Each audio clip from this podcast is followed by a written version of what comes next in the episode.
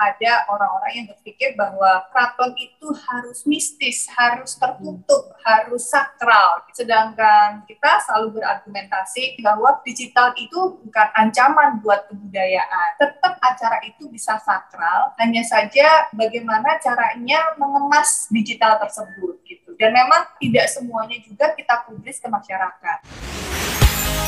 Broadcast. Broadcast.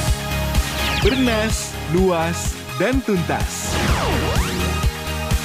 Powered by Business Indonesia.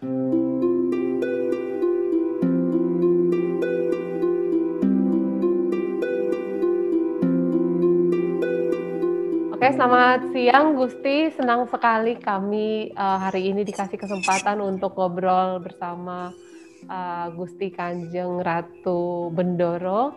Ini uh, terus terang seperti tadi yang sudah disampaikan, biasanya kita secara ketemu secara langsung ada interaksi, tetapi hari ini kita menggunakan um, platform untuk berkomunikasi. Jadi kami sekali lagi senang sekali atas kehadiran Gusti di sini dari Yogyakarta. Um, kalau lihat ya Gusti ya, emang banyak banget yang bisa diobrolin sama Gusti. Uh, saya mencatat ini Gusti punya tanggung jawab yang banyak sekali nih. Kalau dilihat uh, Gusti juga adalah um, ketua Badan Promosi Pariwisata uh, Daerah Istimewa Yogyakarta. Oh. Terus juga adalah uh, Ketua International Council for Small Business Yogyakarta. Oh. Dan juga penanggung jawab uh, yang bertanggung jawab untuk mengurusi Keraton Yogyakarta. Dan juga adalah ibu dari dua orang anak ya Gusti ya kalau tidak salah. Betul, yang lagi dari yang sedang school from home Mbak, itu harus di highlight itu lebih sulit daripada yang lain ya Mbak. Iya, jadi memang kalau dilihat tanggung jawabnya besar sekali nih antara urusan uh, tugas sebagai ya tadi di keraton juga di um, swasta, tetapi juga sebagai ibu rumah tangga. Dan satu yang saya lupa Gusti, uh, Gusti juga uh, mengelola bisnis spa. Jadi ada dua brand di bawah uh, tanggung jawabnya Gusti. Ini banyak sekali. Nah mungkin sebagai pembukaan nih Gusti bisa cerita sedikit uh, gimana Gusti menyesuaikan dengan kondisi yang terjadi uh, sekarang ini di tengah pandemi. Boleh Gusti silakan. Jeng, terima kasih. Uh, sebenarnya ada hikmah ya Mbak dengan uh, kita ya biasanya orang Jawa itu kan uh, apa pun tuh pasti ada hikmahnya Mbak gitu ya. Nah saya menganggap juga uh, tadinya itu saya karena terlalu banyak kegiatan biasanya saya sehari satu minggu itu saya benar stretch gitu ya kadang-kadang dari pagi sampai malam pagi sampai malam dan itu nggak sempat ketemu anak dan lain sebagainya. Jadi dari satu tempat meeting ke tempat lain dan lain-lain sebagainya. Nah, dengan saya harus ada di rumah terus sekarang, gitu ya, terutama dengan PPKM ini, uh, meetingnya semuanya virtual kayak hari ini nih, Mbak. Jadi di sela-sela meeting itu, saya paling tidak sempat uh, 10 menit, 15 menit, entah itu hanya membuat minuman buat anak saya, atau ngambil makanan, atau paling enggak cuma peluk-peluk sebentar, ya, tapi pasti ketemu, gitu. Nah, itu yang menjadi uh, saya lebih apa ya lebih nyaman dengan suasana dari rumah hmm. walaupun iya. tetap aja contohnya seperti hari Senin yang lalu itu saya meeting dari jam 9 pagi sudah ada Zoom sampai jam 11 jam 11 ada Zoom lagi jam setengah 12 ada Zoom lagi dilanjut terus sampai jam setengah lima sore tapi paling tidak di tengah-tengah itu ada ada break saya bisa ketemu sama anak dan lain sebagainya. Kalau dulu dengan kegiatan saya yang begitu penuh, kadang-kadang saya nggak sempat lihat, nggak sempat ketemu sama anak dan lain sebagainya. Tapi ya uh, tentu ada plus minusnya lah mbak. Iya betul, betul sekali. Ya kalau dilihat dari sederet tadi tanggung jawab yang sedang Gusti emban, ini kira-kira di tengah kondisi pandemi mana yang uh, paling susah buat Gusti? Mungkin entah uh, urusan bisnis kah atau misalnya urusan uh, karena kalau dilihat yang tadi se sebagai ketua BPPD uh, Daerah Istimewa Yogyakarta, saya rasa juga tantangannya sangat besar sekali karena pariwisata sedang terpukul karena pandemi. Nah, ini mana yang kira-kira paling berat buat Gusti untuk dilakukan sekarang ini? Uh, jadi uh, mungkin fasenya berbeda-beda ya Mbak. Jadi hmm. pada waktu di awal pandemi kita memang ya sudah kita nggak bisa uh, organisasi saya itu ya akhirnya harus berhenti seperti tidur sesaat karena kita harus regrouping, harus uh, berdialog dengan uh, sesama anggota dan juga melihat bagaimana keadaan dan lain sebagainya. Nah di awal pandemi itu saya malah lebih banyak fokus kepada bisnis saya gitu karena saya harus adjustment dari bisnis saya dulu. Jadi uh, satu dua dua setengah bulan pertama itu di awal tahun 2020 itu akhirnya saya harus adjustment dulu-dulu untuk menata restructuring dari segi finance dan operasionalnya dan setelah itu kita harus tutup sampai jangka panjang. Nah, pada waktu ini saya harus membagi fokus saya kepada anak saya yang tiba-tiba waktu itu baru mau masuk kelas 1 persiapan masuk kelas 1 tapi dengan digital, dengan semuanya virtual dan lain sebagainya, ini juga adaptasi buat anak saya. Nah, lalu uh, setelah itu baru kita berdiskusi dengan teman-teman gimana nih uh, pariwisata, uh, UMKM dan lain sebagainya.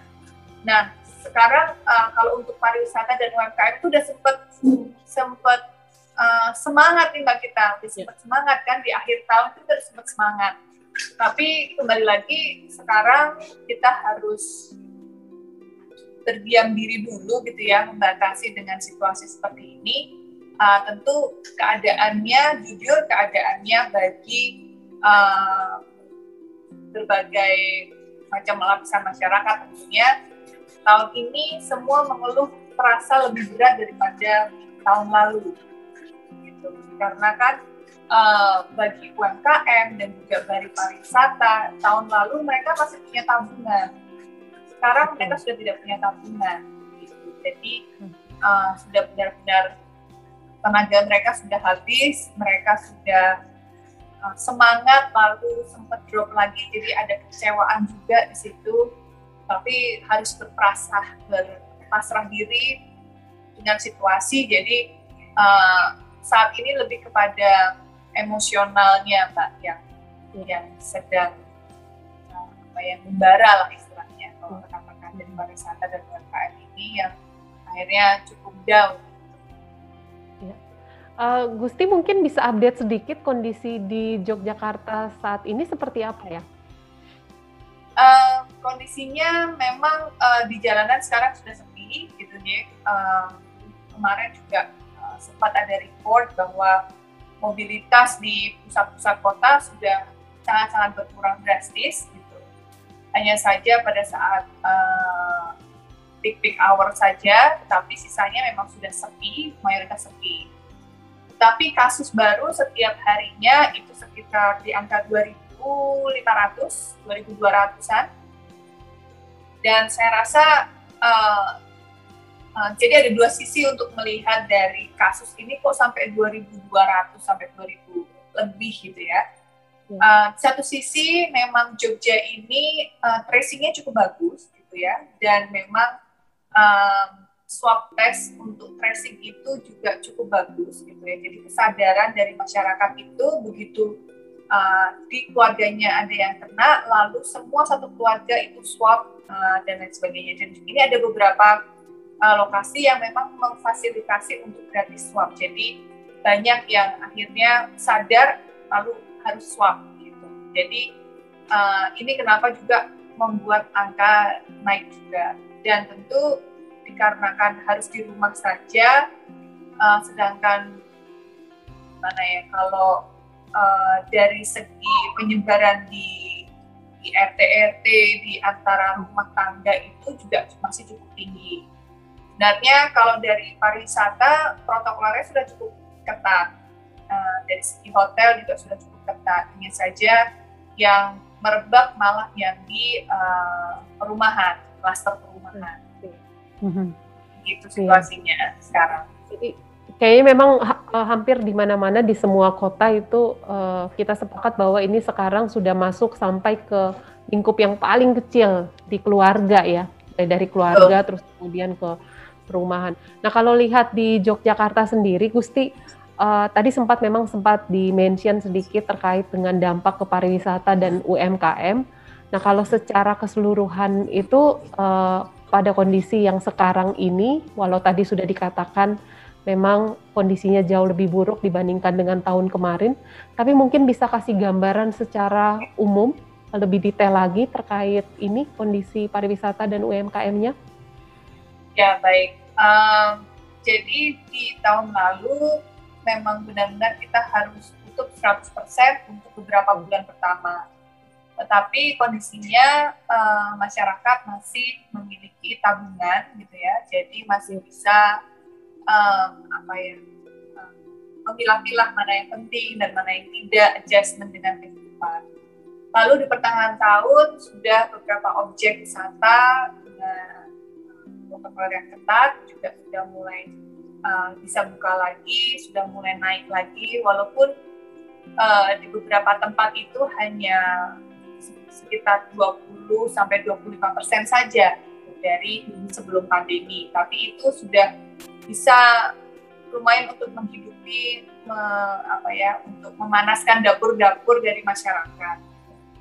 Dan kalau long weekend di Jogja tentu selalu ramai, gitu ya. Tidak dipungkiri kita kita selalu ramai sampai dengan uh, 50% dari sebelum pandemi. Gitu ya. Belum 100% dari itu, tapi memang paling tidak uh, omset itu sudah sampai uh, 40 sampai 50%. Itu sudah cukup cukup bagus untuk kita bisa uh, menabung sedikit. Ya.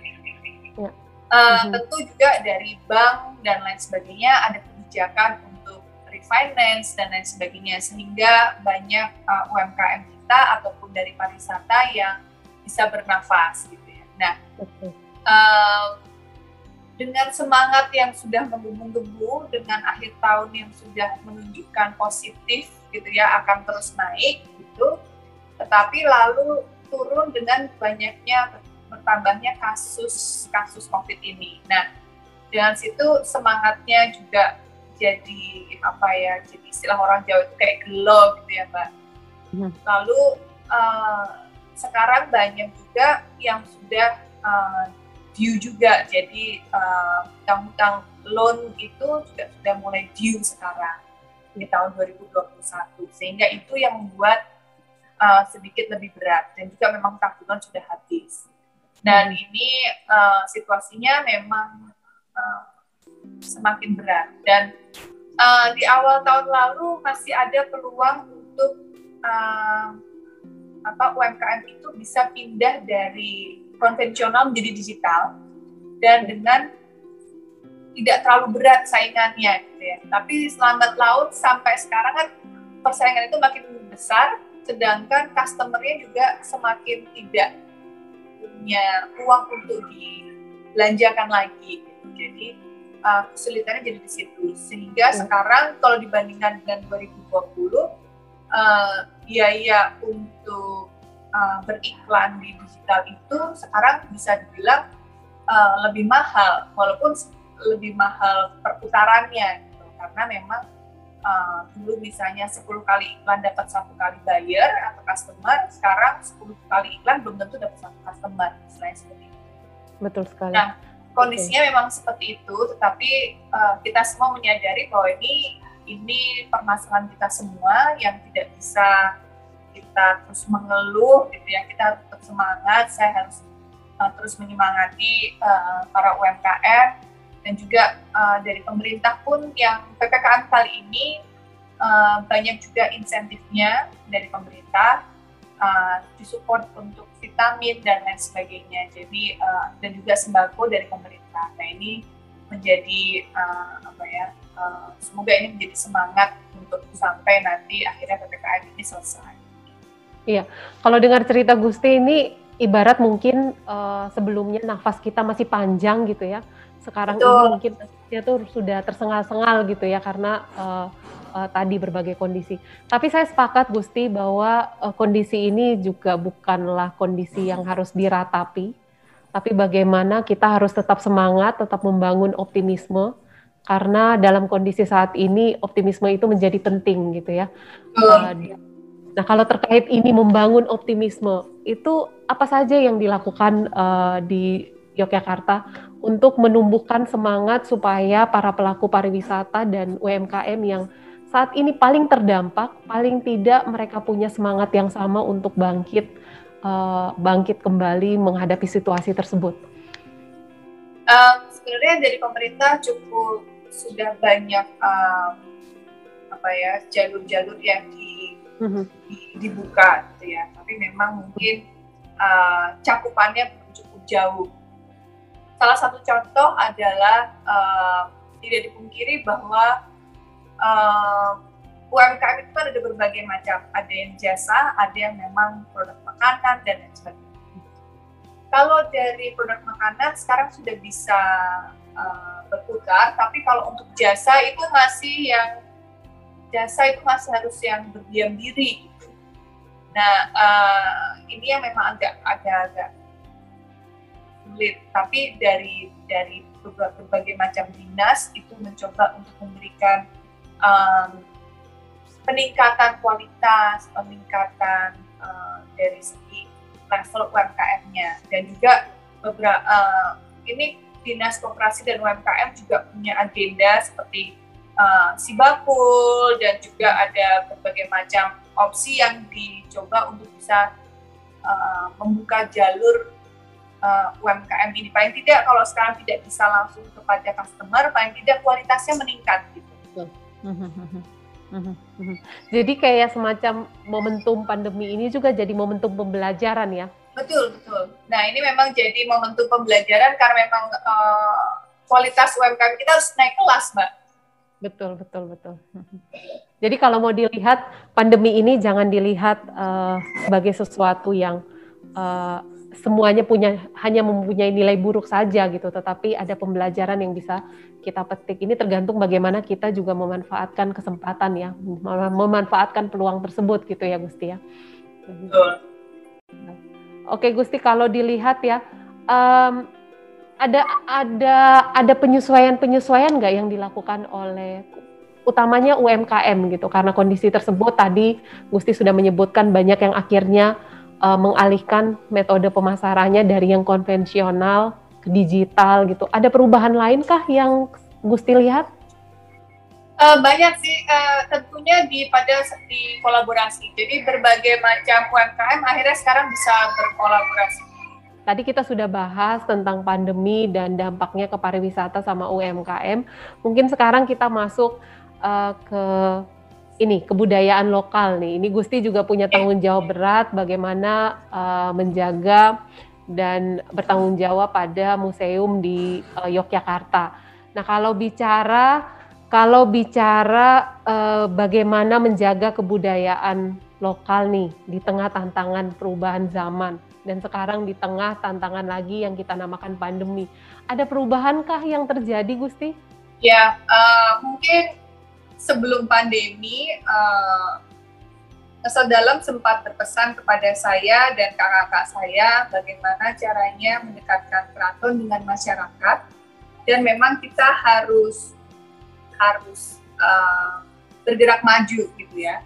Jadi mulai dari 2014 kita sudah mulai menggunakan berbagai macam platform digital untuk mendekatkan keraton dengan membuka paling tidak membuka keraton untuk uh, masyarakat gitu ya. Jadi uh, bagaimana kita ini ada ada medsos ada Instagram. Jadi memang uh, dari 2014 uh, Sodalam itu memang sudah memberikan dawuh istilahnya ke kami terutama ke saya kakak saya nomor 4 dan suaminya.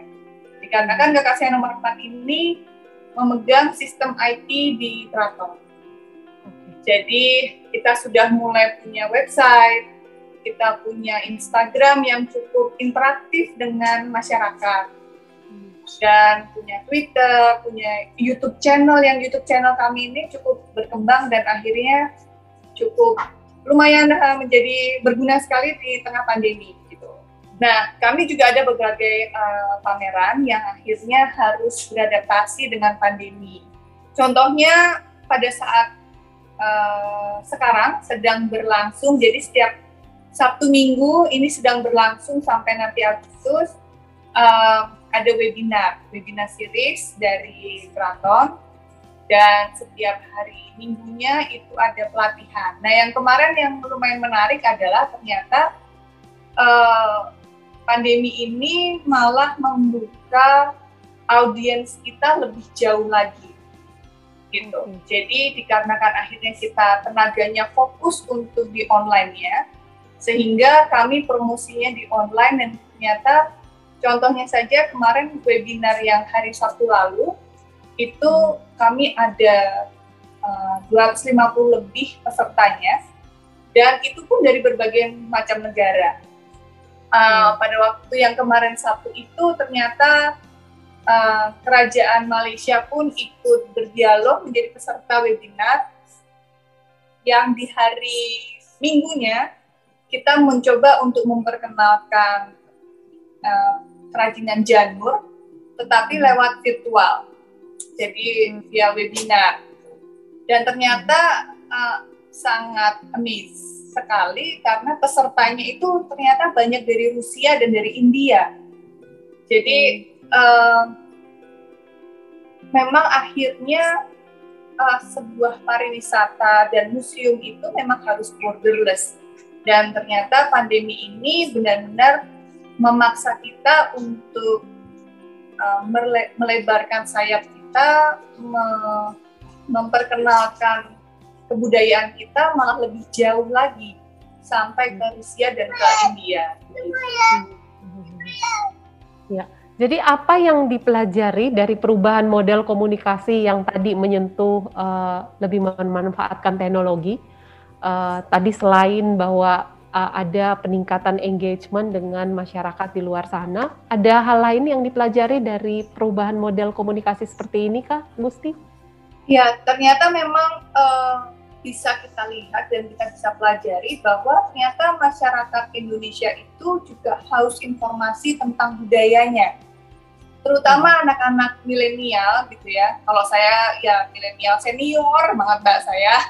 Nah ini uh, ternyata mereka menggali dan mereka uh, sangat berinteraktif sekali di Instagram maupun di YouTube kita.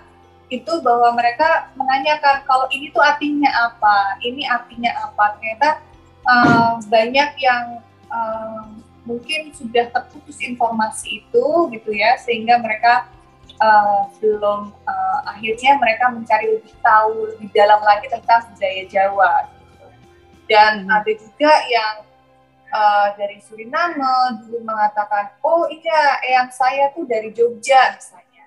Terus mereka mencari tahu lebih dalam tentang budaya Jawa lebihnya nah itu menjadi sarana ini nah, dan medsos uh, website kita ini menjadi um, rujukan akademisi.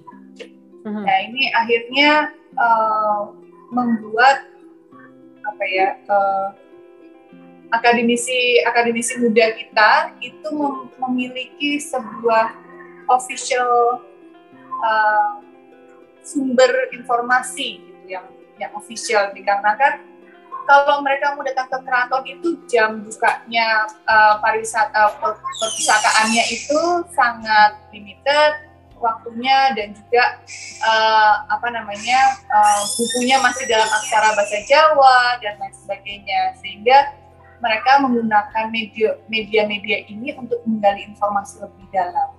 Dan Betul. yang pasti kita jadi lebih dikenal di luar sana karena ternyata kalau misalnya kita ada um, uh, live streaming menari tarian di keraton itu tidak hanya orang Indonesia saja yang nonton, tapi ada dari Amerika, dari Belanda dan jadi ini sebuah apa ya uh, soft selling pariwisata Hmm, oke, okay, oke. Okay. Ketika melakukan perubahan komunikasi ini, apa tanggapan Sri Sultan nih, Gusti? Ini semua dukungan dari beliau. Gitu. Oh, oke. Okay.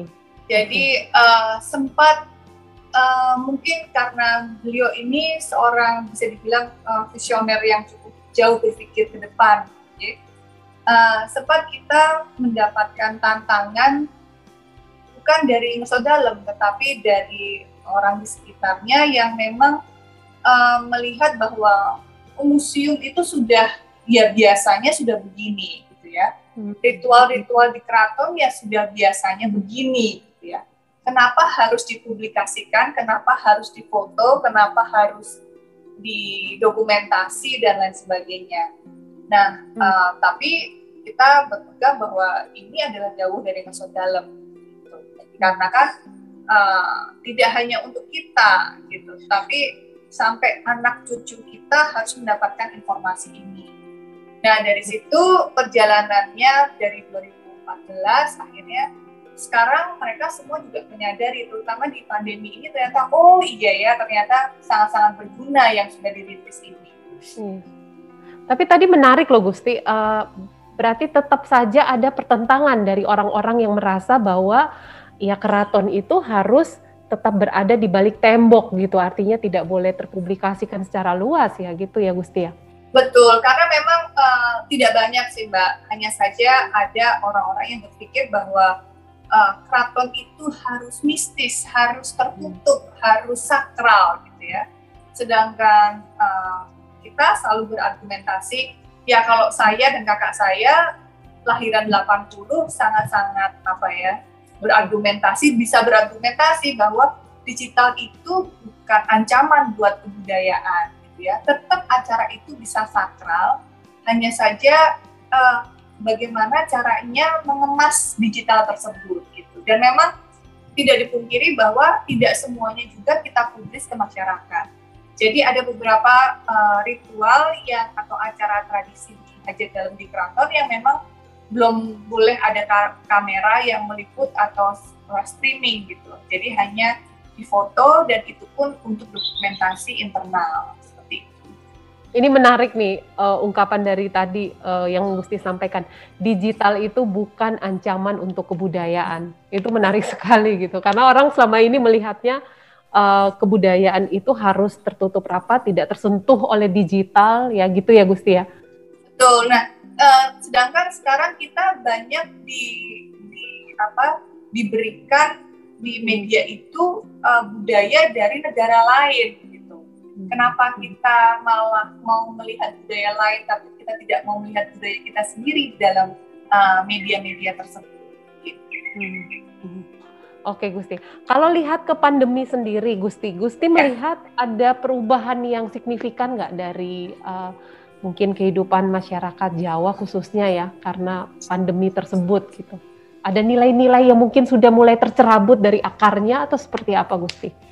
Hmm, mungkin lebih kepada uh, tertunda aja sih Mbak, tapi sebenarnya uh, apa ya kebiasaan-kebiasaan seperti uh, berkomunikasi dengan tetangga itu masih bisa dilakukan hanya saja medianya yang berubah. Uh, ada juga ritual-ritual di keraton seperti grebek itu yang akhirnya juga kita bukan kita tidak selenggarakan tetapi kita selenggarakan dengan cara yang berbeda. Contohnya kemarin grebek Idul Adha gitu ya. Biasanya hmm. ada rayahan gunungan, Mbak. Gitu kan? Betul.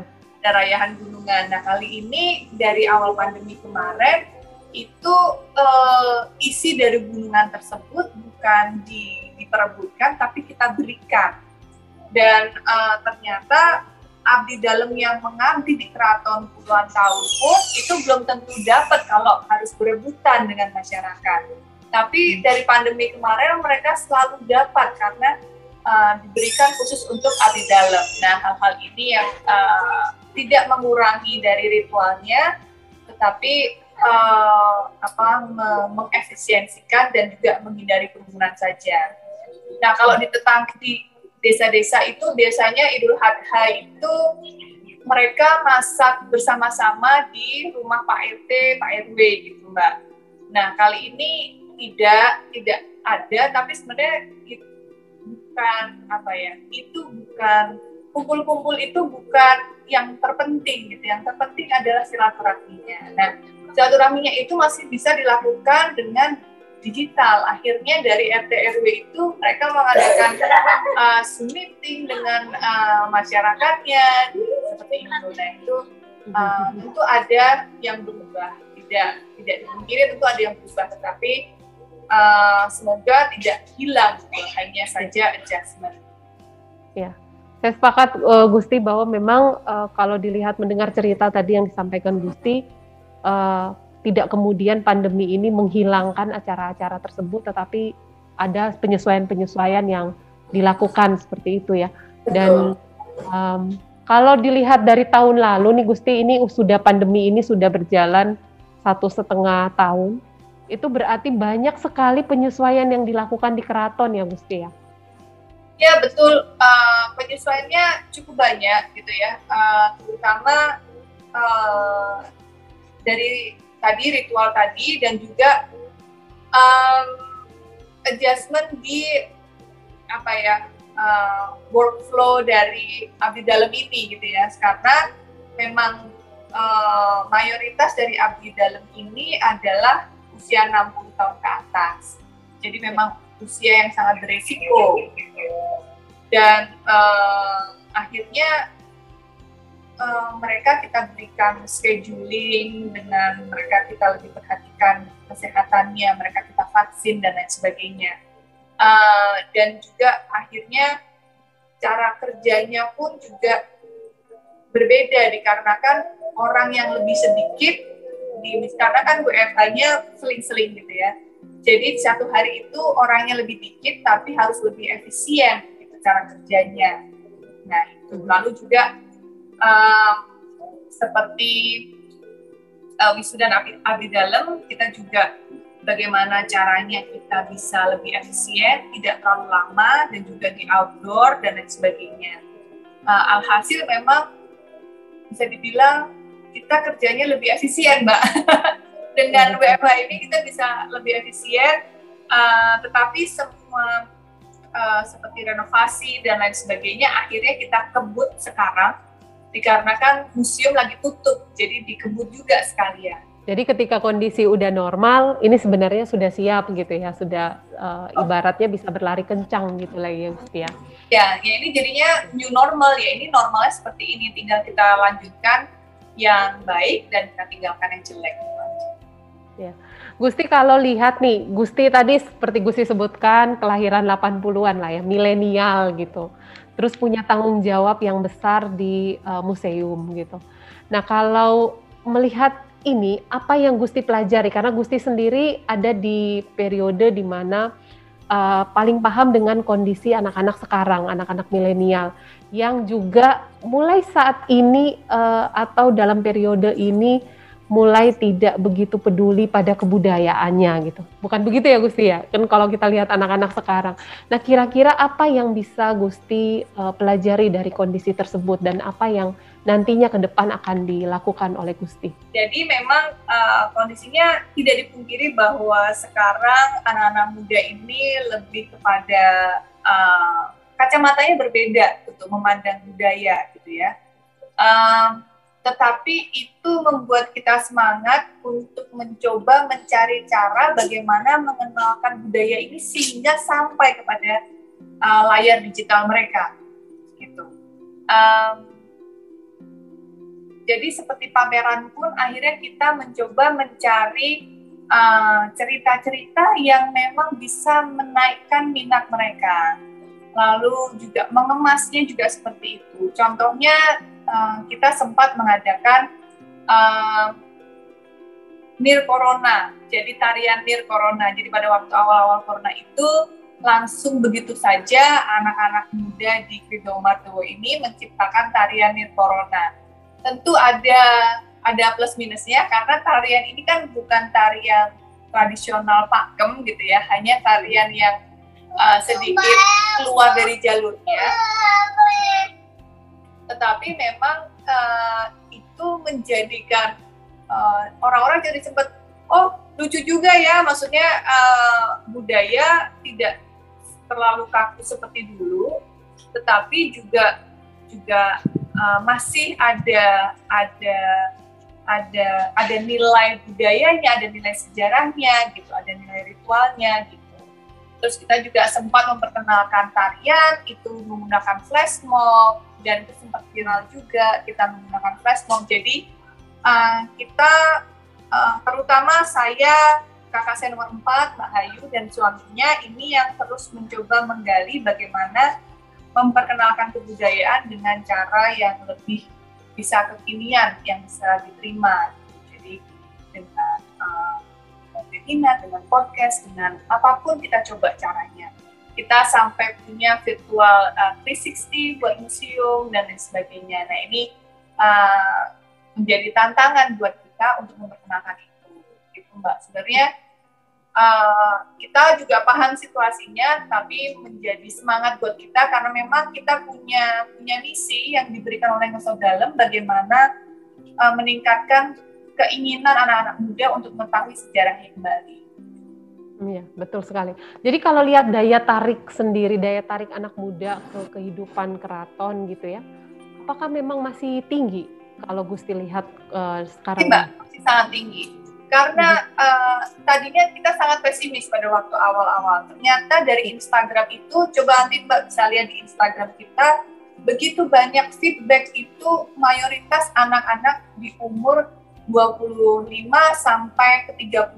Dan ini me memang mereka uh, terutama orang tua baru. Jadi yang seperti saya punya anak, anak yang masih balita dan lain sebagainya, itu juga menggali apa yang bisa saya kenalkan kepada anak saya tentang budayanya. Uh, hmm. Jadi mereka sedang menggali itu dan ini ternyata uh, kalau dilihat dari Instagram kita yang followernya terus naik, YouTube kita juga terus naik, ini melihatkan bahwa begitu banyak orang yang masih peduli dengan budaya kita. Ya semoga nanti ke depannya makin banyak. Iya betul betul. Yang penting ini tergantung dengan bagaimana kita uh, mencari inovasi yang tepat untuk berkomunikasi dengan mereka ya sesuai dengan. Betul. Jadi uh, kalau kita uh, uh, seperti slogannya adalah bagaimana kita repackaging budaya, mbak. Mm-hmm, Jadi betul. budaya itu kan tidak ada yang kuno sebenarnya, tapi bagaimana kita bisa repackaging budaya yang sudah lama dengan kemasan yang baru. Jadi istilahnya repackaging culture. Mhm. Mhm. Oke. Okay. Kalau lihat kunjungan kan karena sekarang kondisinya pandemi kita tidak bisa ke mana-mana, kita stay at home aja. Uh, tapi uh, ada inovasi-inovasi yang dilakukan tadi seperti 360 model virtual pameran seperti itu ya. Itu masih dilakukan dan bagaimana minatnya sejauh ini Gusti? Uh, ya kita masih belum bisa dibilang successful juga sih Mbak gitu ya. Kita masih dalam uh, uji coba juga. Uh, tapi terbukti saja kemarin dari yang hari Sabtu kemarin webinarnya saja di angka 250, 280 berapa gitu saya kurang tahu. Kalau dari yang hari Minggu hanya perihal janur saja itu sampai ke Rusia orang yang mendapatkan informasinya. Jadi ini bisa dilihat bahwa ya kita broadening uh, sayap kita lah mbak. Dan um, uh, seperti virtual uh, kita juga lumayan tinggi juga uh, yang nonton setiap ya apa namanya uh, setiap tari kita yang ada di YouTube itu yang nonton pun sampai ratusan ribu. Uh, Gusti tadi nyambung soal merevitalisasi museum dengan standar tinggi yang menjadi salah satu tugas uh, Gusti sekarang ini. Kira-kira progresnya sejauh mana Gusti? Baik, uh, dari sebenarnya dari 2018 saya punya master plan mbak. Jadi master plan ini sebenarnya memakan waktu lima tahun untuk kita uh, merevitalisasi semua ruangan museum yang ada di keraton gitu kan. Dan di keraton ini sebenarnya punya empat objek wisata di mana itu adalah pagelaran, museum kereta, kebun dan juga taman sari tadinya ini berdiri sendiri-sendiri mbak dan uh, memang akhirnya kita uh, akan satukan gitu. Tadinya sudah harusnya bersatu di tahun lalu tapi dengan kondisi seperti ini juga kita masih uh, belum menentu jadi se uh, saya harap sih segera kita bisa menyatukan semuanya untuk membuat uh, tiket terusan gitu mbak. Jadi seperti di luar negeri itu uh, saya sebenarnya agak uh, ngiri gitu mbak. Dengan di luar negeri itu ada sebuah istana kerajaan yang masuknya satu pintu sampai ngantri berpanjang-panjang orang masih kepingin untuk datang masuk untuk melihat dan uh, semuanya. Jadi memang semuanya di dalam itu terawat uh, rapi uh, kualitas juga kualitas tinggi gitu ya. Nah ini yang saya inginkan juga dan memang uh, menjadi master plan dari kami untuk akhirnya nanti sampai ke situ. gitu. Tapi memang membutuhkan uh, proses yang cukup panjang. Dengan uh, adanya pandemi ini me memperlambat langkah kita sebenarnya Mbak, cuman memang kita masih harus terus melangkah. Nah, kita akhirnya juga um, menggunakan kesempatan ini untuk menggali lebih dalam lagi uh, research-researchnya kita tentang kemarin saya habis pameran uh, namanya Buja Promo. Buja Promo itu kita keluarkan semua peralatan sendok garpu kristal, sendok garpunya yang terbuat dari perak, kristal-kristal kita yang selama ini belum pernah dipamerkan ke umum, kita pamerkan di kali ini. Uh, saya juga dalam waktu dekat, semoga finger cross Mbak akan membuka kembali uh, ruang lukisan uh, yang menyimpan koleksi Raden Saleh di dalamnya dengan kualitas yang lebih meningkat. Jadi di kalau dulu itu ruangan lukisan kami ini hanya ya lukisan dipajang seperti biasa, uh, tapi yang kali ini kita menggunakan dehumidifier, jadi ruangannya pun suhunya terkontrol dan lain sebagainya.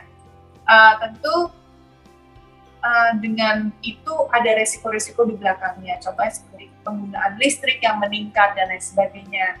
Dan memang yang akan masuk ke ruang lukisan pun juga akhirnya kita batasi dan ini uh, semuanya sedang dalam progres untuk uh, perbaikan, Mbak. Jadi uh, peningkatan kualitas itu tidak hanya dari renovasi bangunannya, tapi juga peningkatan kualitas dari SDM-SDM-nya, Mbak. Iya, oke. Okay. Itu menarik juga tuh tentang uh, uh, koleksi kesenian keraton dari Raden Saleh karena saya cukup banyak membaca bahwa ini lagi ditunggu-tunggu banyak uh, masyarakat dan kita ya. berharap uh, uh, kita berharap ini bisa jalan secepat mungkin kendati ada pandemi ya Gusti ya. Oke okay, ya. Gusti, saya mungkin singgung sedikit untuk di akhir-akhir uh, pembicaraan kita, diskusi kita. Mungkin saya ingin tahu nih Gusti, uh, karena masa pandemi dengan segudang kesibukan yang Gusti lakukan, Gusti uh, punya hobi apa ini yang kira-kira mungkin uh, selama pandemi ini dijalankan gitu?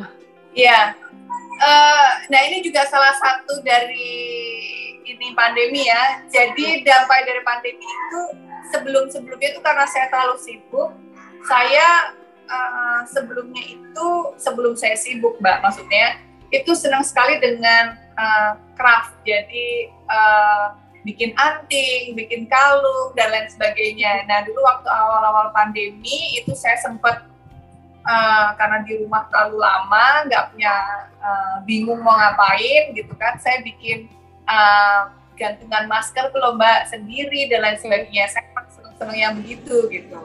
Dan ini akhirnya sekarang malah tercipta ruangan khusus uh, di sudut rumah untuk memang saya akhirnya mengerjakan craft-craft itu mbak jadi dari Wah, keren. dari dan lagi sebagainya itu akhirnya di situ nah itu memang hobi saya jadi dari dulu emang senangannya bikin gitu mbak yang pernik-pernik gitu Oke, jadi memang uh, sudah ditekuni sejak lama, tetapi baru kemudian uh, mulai di lebih didalamin lagi selama masa pandemi ya berarti betul karena waktunya lebih banyak di rumah betul betul kami terima kasih banyak loh Gusti ya karena sudah disibukkan, sudah mau menerima kami berbincang-bincang.